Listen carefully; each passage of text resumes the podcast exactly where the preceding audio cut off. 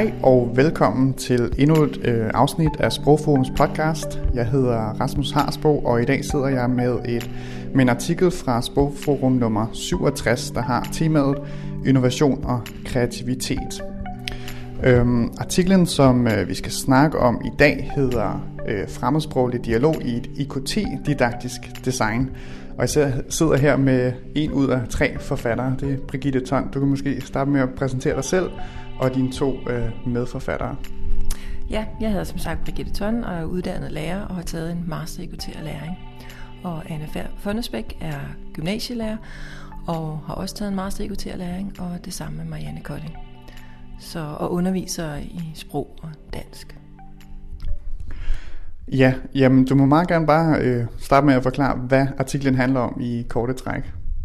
Jamen i korte træk så handler den om, hvordan man ved hjælp af de her fire forskellige øh, multimodale kommunikationsteknologier kan arbejde med den uformelle samtale på andet fremmedsprog. Og det er sat ind i et didaktisk design. Og det meste af artiklen handler om, hvordan forløbet foregår i praksis, altså trin for trin, og hvad det er, de her forskellige øh, øh kommunikationsteknologier kan. Og så fortæller den også lidt om elevernes udbytte fra at, at kunne kommunikere få minutter til at have dialog op til 20 minutter, og deres egne refleksioner øh, over deres læring, som viser en, en ret tydelig progression. Øh, så det er sådan i hovedtræk, det den handler om. Sådan teoretisk øh, kan man læse, at I tager udgangspunkt i Michael Bakhtin og Etienne Wenger. Øhm, og de lægger begge to vægt øh, på sprogets interaktion og sprogets praksis, nogle meget, øh, hvad kan man sige, konkrete eller praksisorienterede øh, tilgange.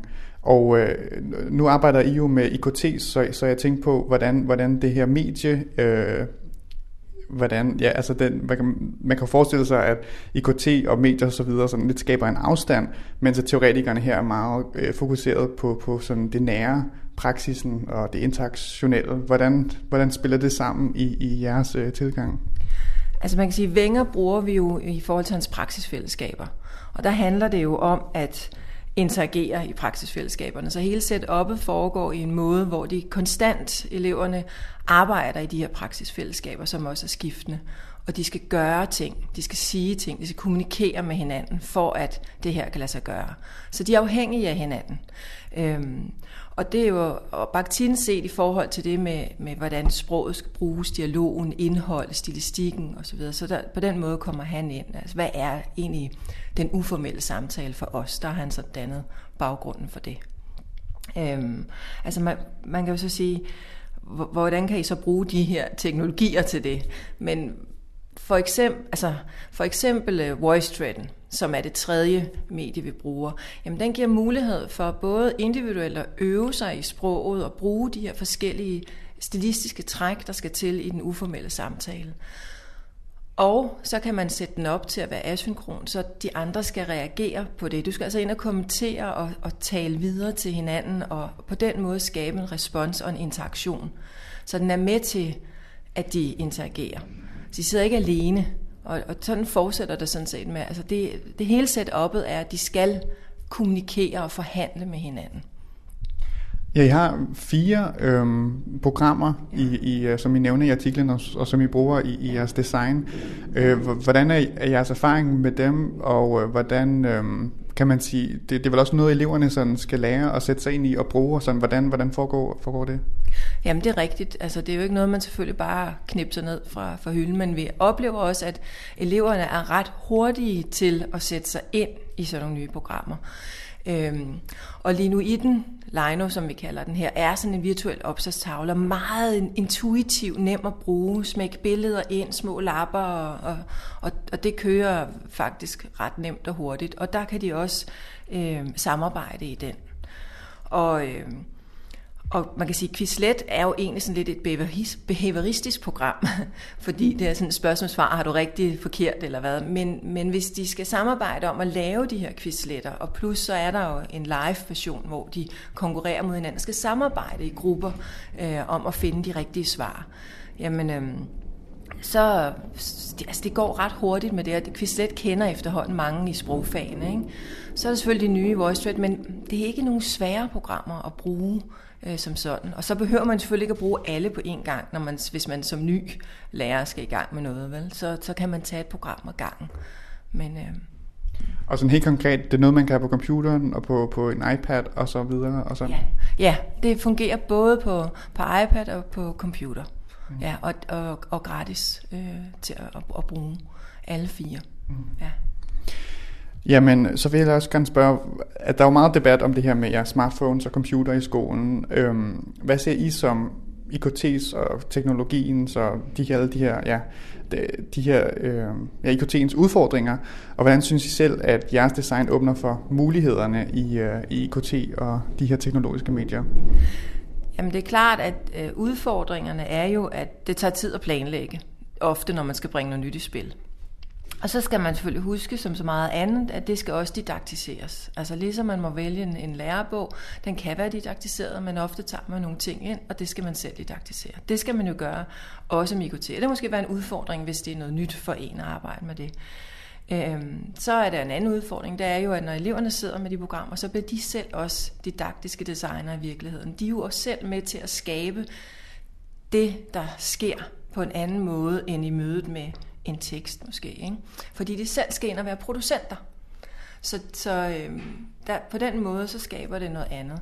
Men hvis vi kigger på vores design, så har vi gjort det sådan, at de er nødt til at være aktive hele tiden selv. Vi serverer stort set ikke noget for dem. De får nogle oplæg fra, hvor vi har valgt nogle emner ud og lavet nogle quizlet til dem. Men de skal selv sidde og arbejde med quizlet. Det vil sige, det bliver, hvad de har brug for de putter ned i programmerne.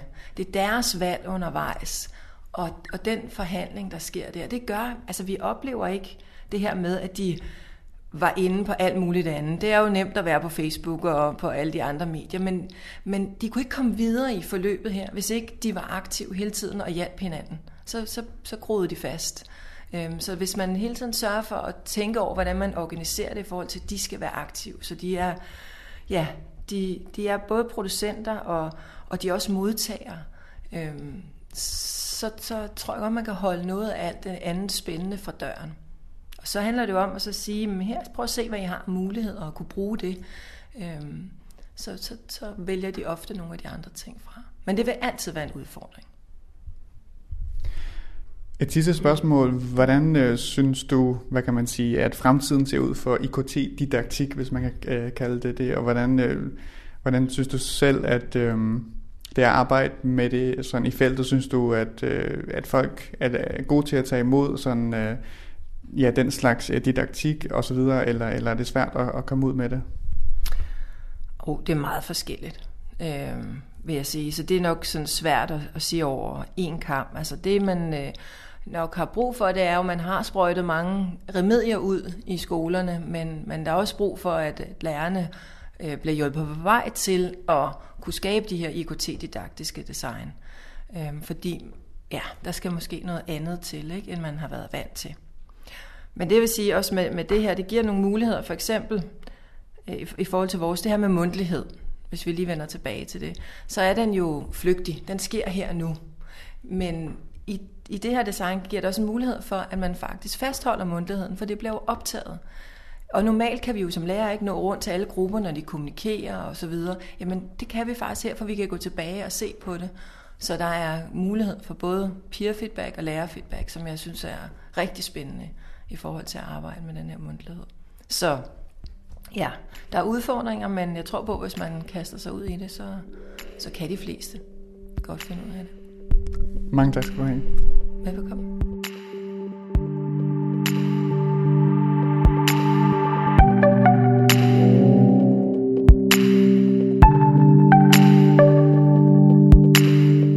Du har lyttet til Sprogforums podcast.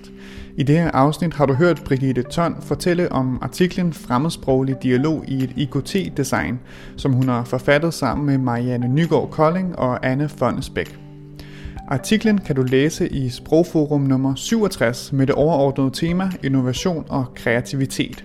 Du kan bestille enkelte numre eller skaffe dig et abonnement ved at finde Sprogforum inde på forlaget Samfundslitteratur's hjemmeside.